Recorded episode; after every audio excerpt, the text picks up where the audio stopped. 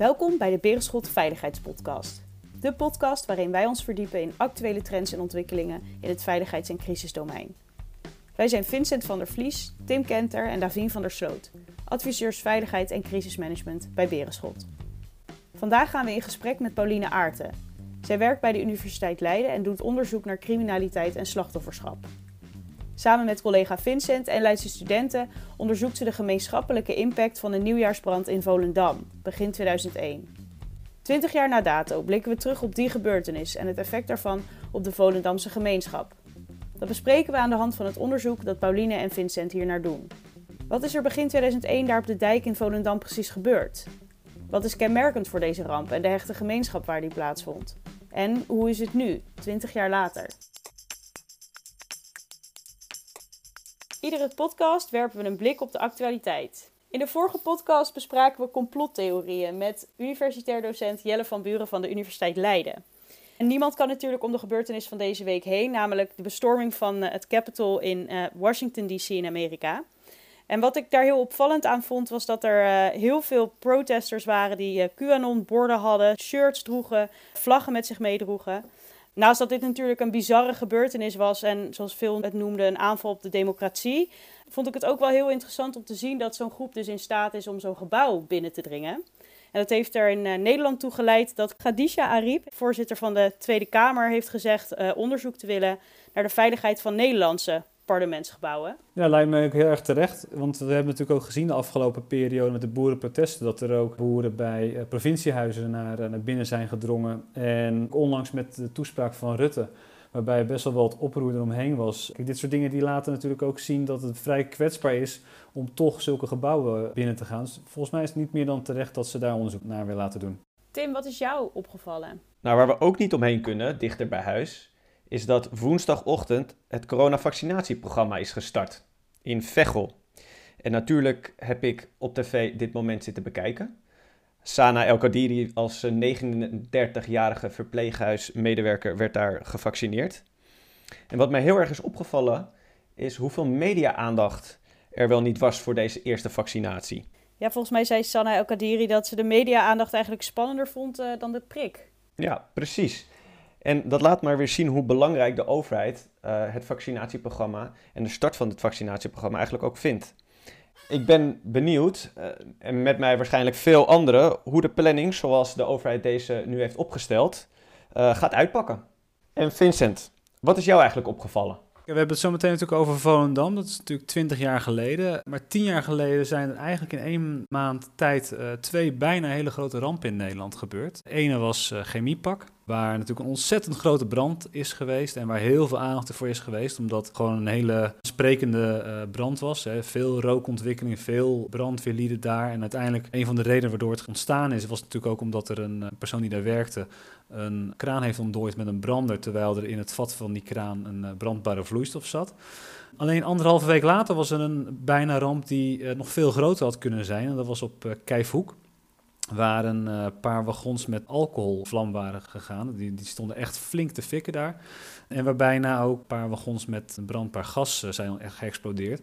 En waarvan ik me heb laten vertellen van mensen die daar bij de brandweer hebben gezeten, die daar die avond hebben, dienst hebben gehad, dat ze echt, echt heel erg gelukkig zijn geweest dat daar uiteindelijk geen grote ramp is geweest. Omdat het echt niet veel had gescheeld of die, uh, die wagons die er stonden, naar verluid, ook geëxplodeerd zouden zijn. En uh, dat is eigenlijk, iedereen had het altijd over chemiepak, maar die andere die was had potentieel veel groter kunnen zijn. Dus dat was opvallend dat het allebei in anderhalve week tijd gebeurde, tien jaar geleden. Dames en heren, goedenavond. Het dodental van de cafébrand in het centrum van Volendam is opgelopen tot 8. Gevreesd wordt dat het aantal doden verder zal stijgen tot 15 à 20. Want van de 130 gewonden liggen er ongeveer 30 in kritieke toestand in ziekenhuizen in het hele land.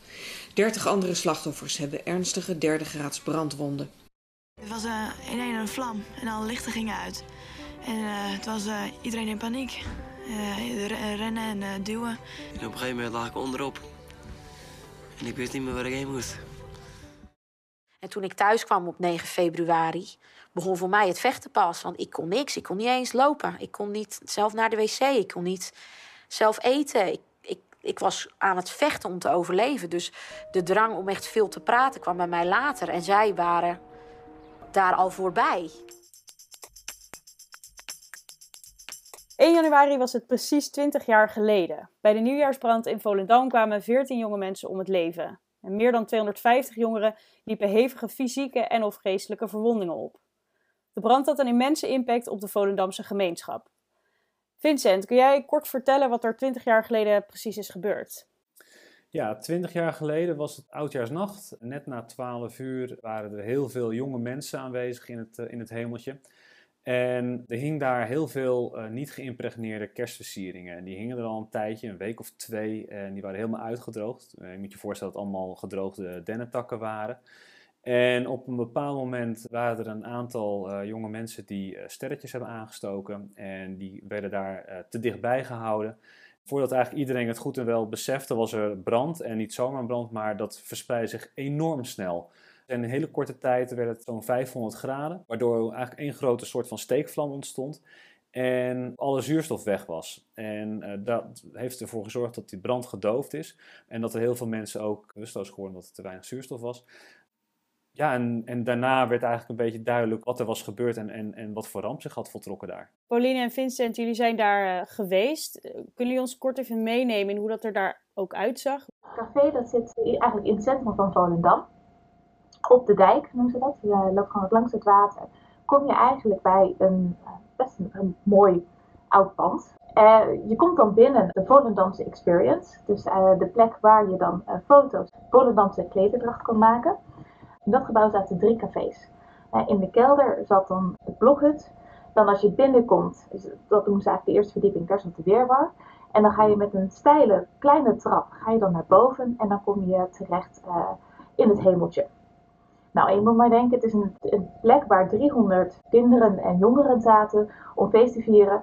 Maar als je daar binnenkomt, dan is het meteen eigenlijk de vraag, hoe, hoe is het mogelijk dat daar 300 jongeren waren op dat moment, op die avond. Het is een uh, relatief kleine ruimte met een hele grote bar in het midden, houten bar.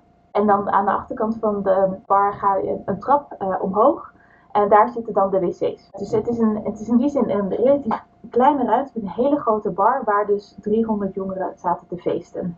Het is een hele, um, het heel vreemd om daar binnen te lopen, omdat eigenlijk daar de tijd heeft stilgestaan. Ze hebben het opgeruimd, maar wel gelaten zoals het was 20 jaar geleden.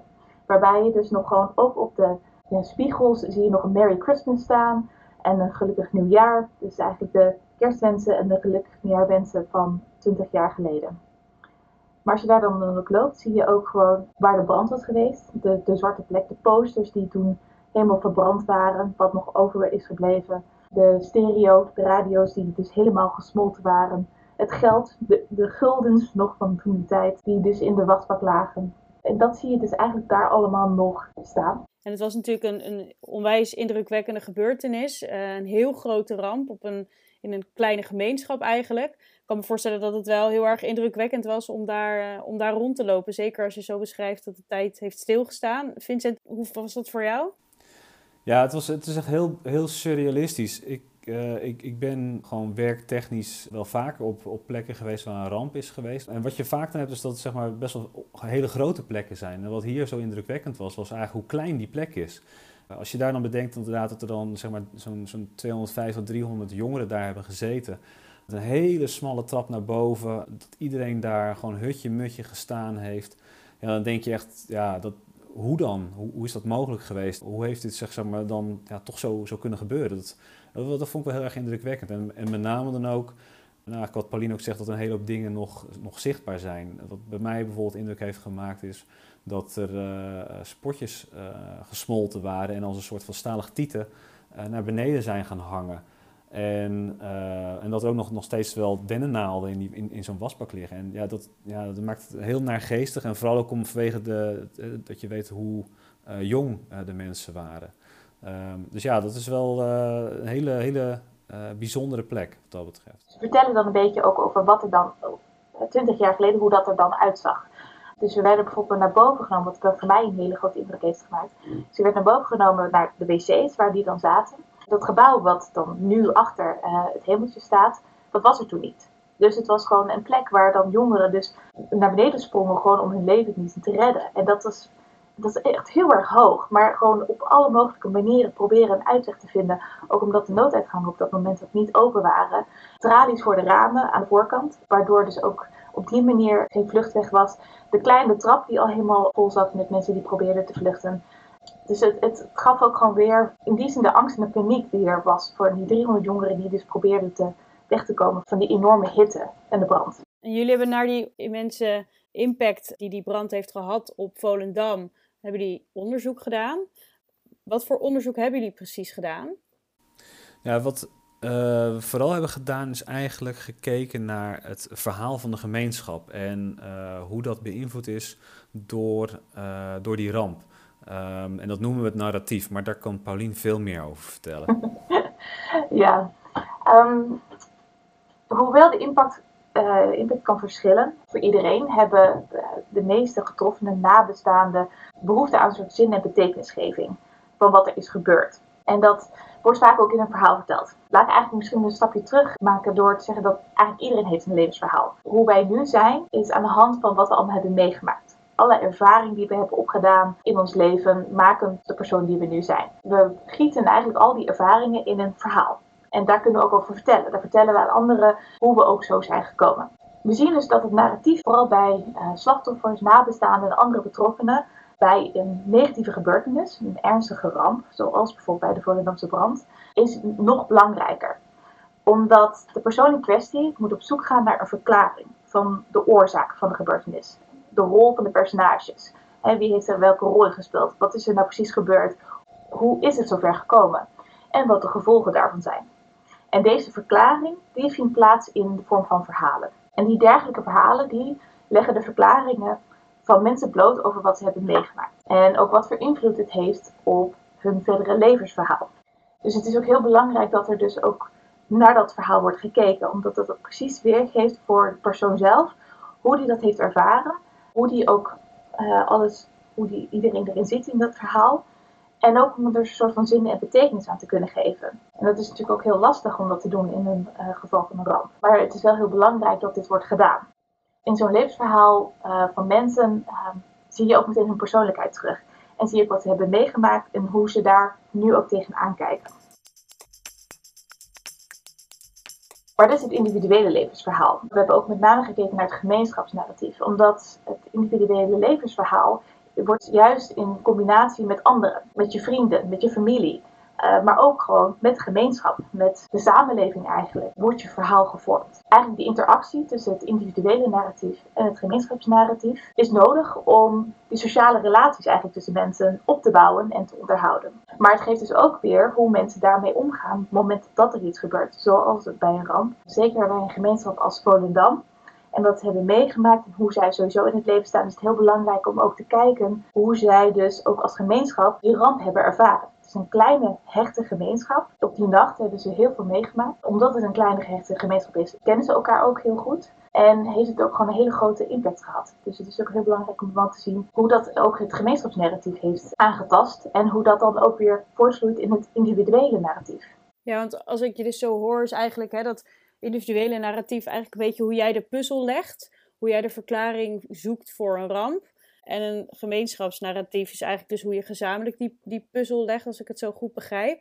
Hoe verhoudt dat individuele narratief zich dan tot dat gemeenschapsnarratief, als je het dan hebt over de specifieke situatie in Volendam? Nou, je ziet het dus eh, eigenlijk in wat uit ons onderzoek is gekomen, dat de Volendamse gemeenschap, die hecht heel veel waarde aan hard werken. Schouders eronder en we gaan ervoor. Ze zijn ook heel erg trots op wat ze allemaal hebben bereikt. Van een klein vissersdorp zijn ze gegroeid naar gemeenschap met, volgens mij werd gezegd, de grootste aantal zelfstandige ondernemers. Ze zijn hardwerkend en willen gewoon vooral laten zien hoe ver ze kunnen komen, de veerkracht die ze hebben. Maar dat heeft natuurlijk ook invloed op dan op het individuele narratief omdat het idee is namelijk hè, schouders eronder en we gaan ervoor, leidt het ook tot een soort cultuur van stilte, waarbij niet wordt gepraat over de negatieve gebeurtenissen.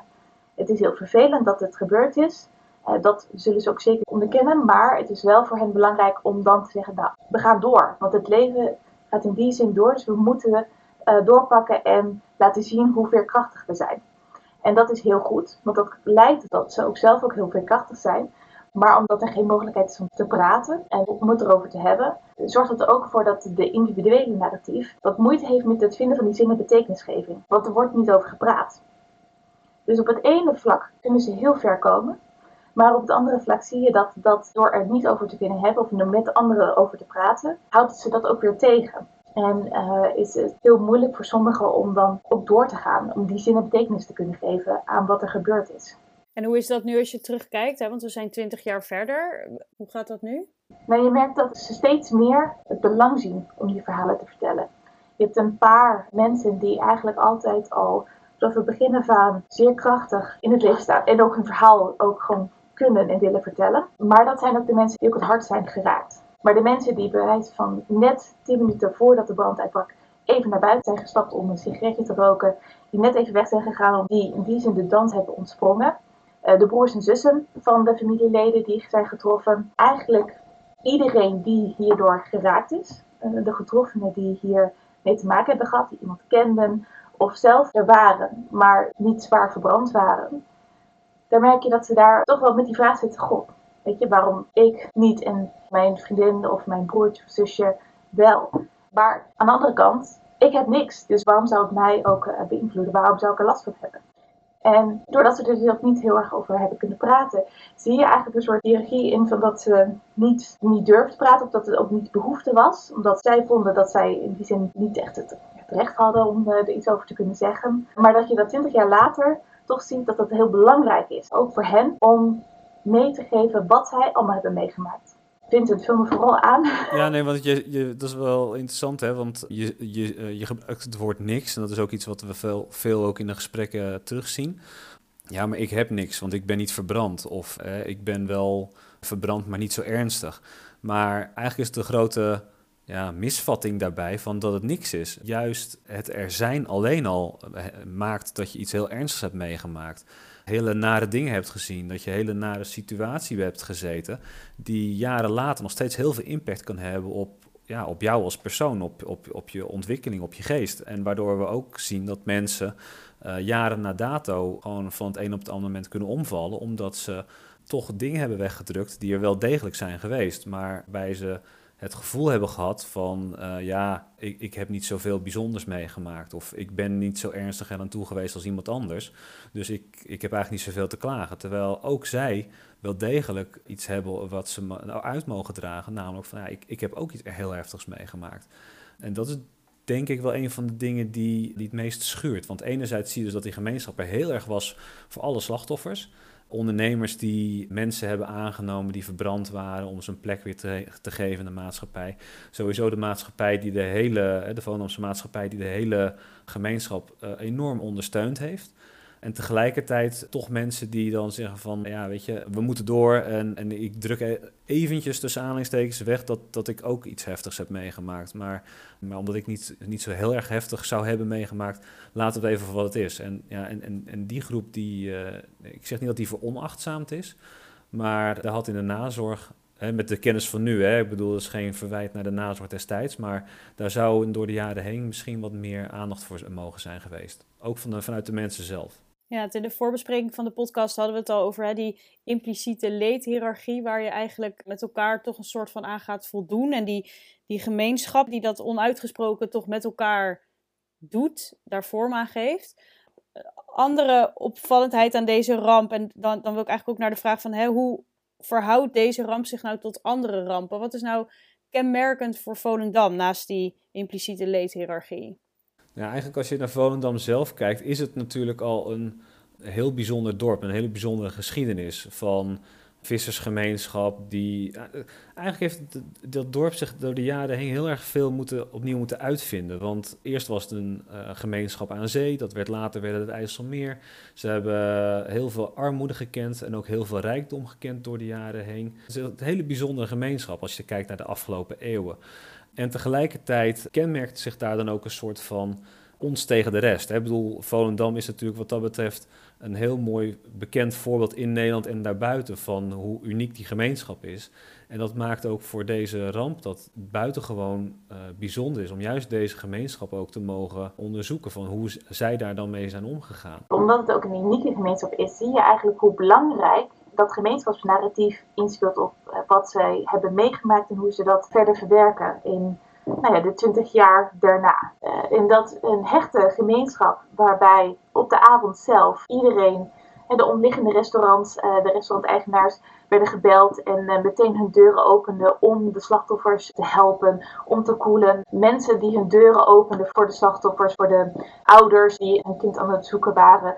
Het feit dat ze daar echt allemaal ook waren voor elkaar. Met hun sterke werkethiek, de ervaringen van door de eeuwen heen. De drive eigenlijk om te laten zien wat ze allemaal kunnen. Geeft eigenlijk weer hoe belangrijk ook die nazorg uh, is geweest. Hè?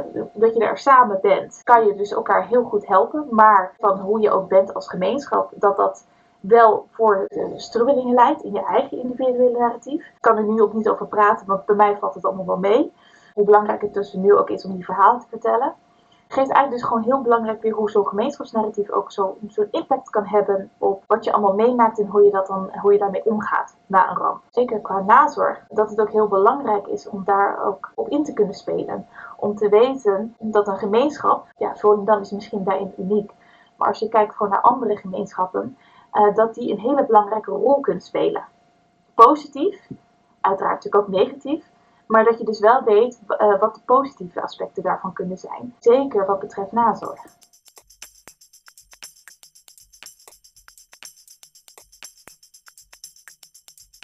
We hadden het over hoe deze ramp zich tot andere rampen verhoudt. En wat uh, typerend was voor de Volendamse brand was wel de hechtheid van de gemeenschap en de gevolgen die het daarvoor heeft gehad. Maar ook de massaliteit. Er waren veel getroffenen, um, zowel kinderen als ouders, maar ook hulpverleners uh, die betrokken waren jullie hebben ook onderzoek gedaan naar die hulpverlening. En wat zijn verhalen die jullie daarbij van zijn bijgebleven? Ja, we hebben dus uh, de verschillende beroepsgroepen um, geïnterviewd. Waaronder politie, brandweer, ambulance, eigenlijk medisch personeel. Eigenlijk in die drie grote categorieën uh, hebben we interviews gehouden. In die verhalen was heel erg kenmerkend dat de avond zelf en hoe ze die hebben meegemaakt, het omschreven als dat er binnen de structuur waarin zij werken. Ze weten precies wat hun taken zijn. Binnen die structuur er eigenlijk chaos was op dat moment. Denk maar ook aan de dijk in Volendam in 2001, waarbij heel veel betrokkenen waren. Ouders die hun kinderen zochten, hulpverleners uh, die in uh, de omgeving gevraagd werden om te komen helpen. Hele klein poortje eigenlijk naar de dijk toe. Helemaal vol stond met auto's, uh, ambulances, brandweer, mensen die aan het zoeken waren. Uh, hulpverleners die hun weg proberen te banen. Langs alle ouders die, uh, die ook willen weten waar hun kinderen zijn. Mensen die anderen kwijt zijn geraakt. Ouders die graag willen dat, dat de hulpverleners nu uh, hun kinderen komen helpen omdat ze verbrand en al in een restaurant liggen. En daar binnenin moesten ze dus gaan werken. En dat zeiden we op dat moment waren we dus ook gewoon inderdaad één gemeenschap en gingen we daarvoor en probeerden we die hele avond gewoon iedereen zo goed mogelijk te helpen om te zorgen dat we alles konden doen wat we konden doen. Maar dat je dus ook wel vooral ziet dat daarna, de, de impact daarna ook wel verschilde tussen de beroepsgroepen. De politie bijvoorbeeld, die hadden eh, heel veel aan elkaar. Zeiden ook dat ze ook door het samen te doen en samen elkaar te steunen na zo'n ramp, bij zo, tijdens zo'n ramp en ook daarna, keken ze ook eigenlijk wel terug op dat ze alles hebben gedaan wat ze konden doen tijdens die ramp. Hetzelfde met het medisch personeel. En iemand zei ook van we hadden al binnen de EHBO van jongens, zorg ervoor dat je aan praten raakt. En dat heel veel van die trainingen werden spontaan ook nazorgsessies. Dat ze elkaar ook in die zin konden ondersteunen met wat ze hebben meegemaakt. Want het was op zo'n avond, werd ook door iedereen bevestigd, was wel een van de heftigste dingen die ze ooit hadden meegemaakt in hun leven. Bij de brandweer zie je dat dat net even wat anders is. Daar zijn de verhalen veel, veel heftiger ook. Ze hebben heel veel meegemaakt in die tijd. Konden op dat moment terwijl er geen brand was, konden ze dus ook op dat moment ook niet heel veel doen. Behalve dan enige nazorg bieden voor de slachtoffers en de getroffenen. Maar daarna ook merk je dat ze ook wel enige moeite hadden met, met het verwerken eigenlijk van wat ze hebben meegemaakt. Na de brand kregen ze te maken met een hele reorganisatie. Het was een grote groep van vrijwilligers die dus ook niet elke dag op die brandkazerne liep. Waardoor ze dus ook... Um, Nog een beetje het beeld waren. Het beeld waren, inderdaad. En dat ze dan pas ook veel later in dat hele traject kwamen. Ja, daar komt ook nog een beetje bij dat uh, bijvoorbeeld de politie ook heel erg het gevoel heeft gehad van we hebben een zinvolle bijdrage kunnen leveren. En voor de brandweer gold dat de, uh, de brand eigenlijk heel kort was, hè, met wel heel erg heftige gevolgen. Maar toen ze aankwamen, dat hij eigenlijk al uit was en wel mensen hebben kunnen koelen. Maar dat ze eigenlijk ook vooral in het rapport van de commissie alles ook het gevoel hebben gehad dat ze een trap na hebben gekregen omdat ze uh, naar hun beste kunnen hebben uh, gehandeld, maar volgens de commissie eigenlijk nog te weinig hadden gedaan. En dat heeft ook echt wel zijn sporen nagelaten. In ieder geval ook op hoe ze het zelf hebben verwerkt. En daar hebben ze dus ook later toch ook nog wel een flinke knauw ervan gekregen. Ja, en het is ook eigenlijk bij elke professional is de brand wel zichtbaar geweest. Van de, de impact van die brand. En iemand zei ook heel mooi, je bent professional, dus dat lukt wel. Maar als je thuis komt, ja, dan kruip je in een hoekje. En dan merk je ook gewoon hoe belangrijk ook voor hen, hoewel het hun taak is om te zorgen natuurlijk voor slachtoffers, voor getroffenen, merk je dat zo'n brand ook op zo'n groot niveau, hè, zoveel mensen die daardoor verbrand waren in de gemeenschap waar ze al actief bij betrokken waren, dat ze dat natuurlijk niet in, uh, in koude kleren is gaan zetten. En je merkt ook gewoon dat dat ook nog later voor hen ook die nazorg heel belangrijk is geweest. Nee, precies. En wat, we, kijk, natuurlijk twintig jaar geleden was de nazorg echt wel anders dan nu. Hè. Het is ook, eh, we hebben ook niet onderzoek gedaan naar had het beter gemoeten of iets dergelijks. Hè. Dus zijn meer gewoon uh, bevindingen die we hebben. Maar tegelijkertijd, kijk, al die professionals die waren natuurlijk ook allemaal wel opgeleid om om te gaan met heftige beelden. Zoals bijvoorbeeld ook iemand aangaf van je, je weet natuurlijk wel hoe brandwonden eruit zien. Maar dat is dan vaak bijvoorbeeld beperkt tot brandwonden bij iemand die een, een, een barbecue verkeerd aansteekt. En dit was natuurlijk echt gigantisch. En daarvan is ook gewoon de vraag van ja, kun je überhaupt wel voorbereid zijn op zoiets massaals met zoveel slachtoffers en dan ook nog eens in deze leeftijdscategorie. Dat is toch gewoon echt eventjes, ja, echt next level. Wat zijn nou verhalen van hulpverleners of betrokkenen die jullie het meest zijn bijgebleven? Ja, dan vond ik er zijn heel veel hoor. Ik bedoel, we hebben uiteindelijk, we, we hebben het ook um, zeker ook even benoemen dat we met, uh, met hulp hebben gedaan van een aantal hele echt fantastische studenten. Die ook een aantal van deze, een groot aantal van deze gesprekken hebben gevoerd. Maar wat, wat ik in ieder geval een mooi verhaal vind, is dat een van de brandweerlieden die heeft een jonge vrouw uit het pand gehaald. Later is hij met haar getrouwd, of zij met hem, hoe je het wil zien. Kwamen ze later pas achter dat hij haar ook uit het gebouw had gered. Dat vond ik zelf wel een heel mooi, mooi verhaal. Ja, zeker. En jij, Pauline? Ja, ik ben het eenmaal eens met Vincent. Het teruglezen van de verhalen, het horen van de verhalen, laat zien ook hoe, hoe impactvol zo'n ramp is geweest. Hè, op, uh, op de mensen die het hebben meegemaakt de mensen die we hebben geïnterviewd. Maar ik denk ook wat vooral me bij is gebleven, hoe belangrijk ook zo'n brand en ook uh, de gemeenschap zo'n narratief zo'n impact heeft op het individuele narratief. Waarbij in één verhaal ook werd verteld dat iemand rook brand in huis en belde daarvoor de brandweer brandweer was gekomen, er was niks, er was geen gaslek of iets, er was geen brand. En vroeg de brandweerman aan de persoon zelf van, goh, was je bij de Volendamse brand toen de tijd? Nou, dat bleek zo te zijn.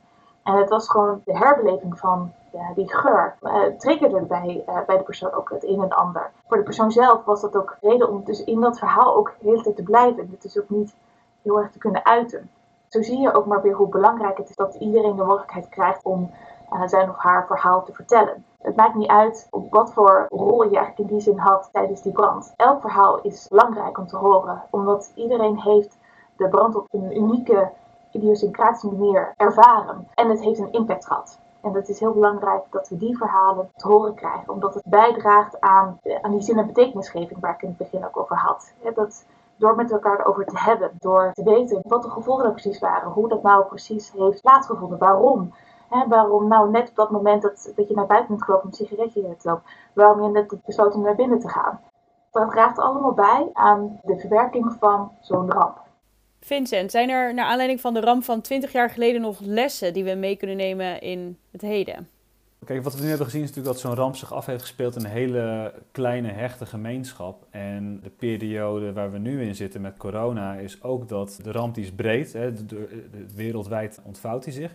Uh, maar hij manifesteert zich natuurlijk ook in een aantal hele kleine gemeenschappen waar je ziet dat, dat die bijvoorbeeld onevenredig zwaar getroffen zijn met enkele tientallen dodelijke slachtoffers op een relatief kleine gemeenschap. In het begin van de crisis had je dat natuurlijk vooral in Brabant, bijvoorbeeld in een plaats als Uden waar heel veel slachtoffers vielen, maar die ook in de lokale gemeenschap zijn verpleegd, hè, omdat ze daar bijvoorbeeld ook een, ziekenhuis hebben waar zorg wordt verleend. En ik denk dat nazorg op lange termijn voor dit soort type gemeenschappen ook juist nu heel erg actueel blijft, omdat het gewoon gaat om relatief veel slachtoffers, kleine hechte gemeenschap en ook nog eens een, een gemeenschap waar ook de eerste hulpverpleging is geweest. En dat, ja, dat, dat daar gewoon rekening mee moet worden gehouden dat op lange termijn dat tot effecten kan leiden. Dank Vincent en Pauline voor jullie uh, openheid in dit gesprek. Ik heb in ieder geval weer heel veel geleerd en uh, jullie hebben onze luisteraars meegenomen naar 20 jaar geleden. En in de lessen die dat ons eventueel kan leren en ook de impact die zo'n uh, ramp kan hebben op een gemeenschap. Dus hartelijk dank voor je komst. Graag gedaan.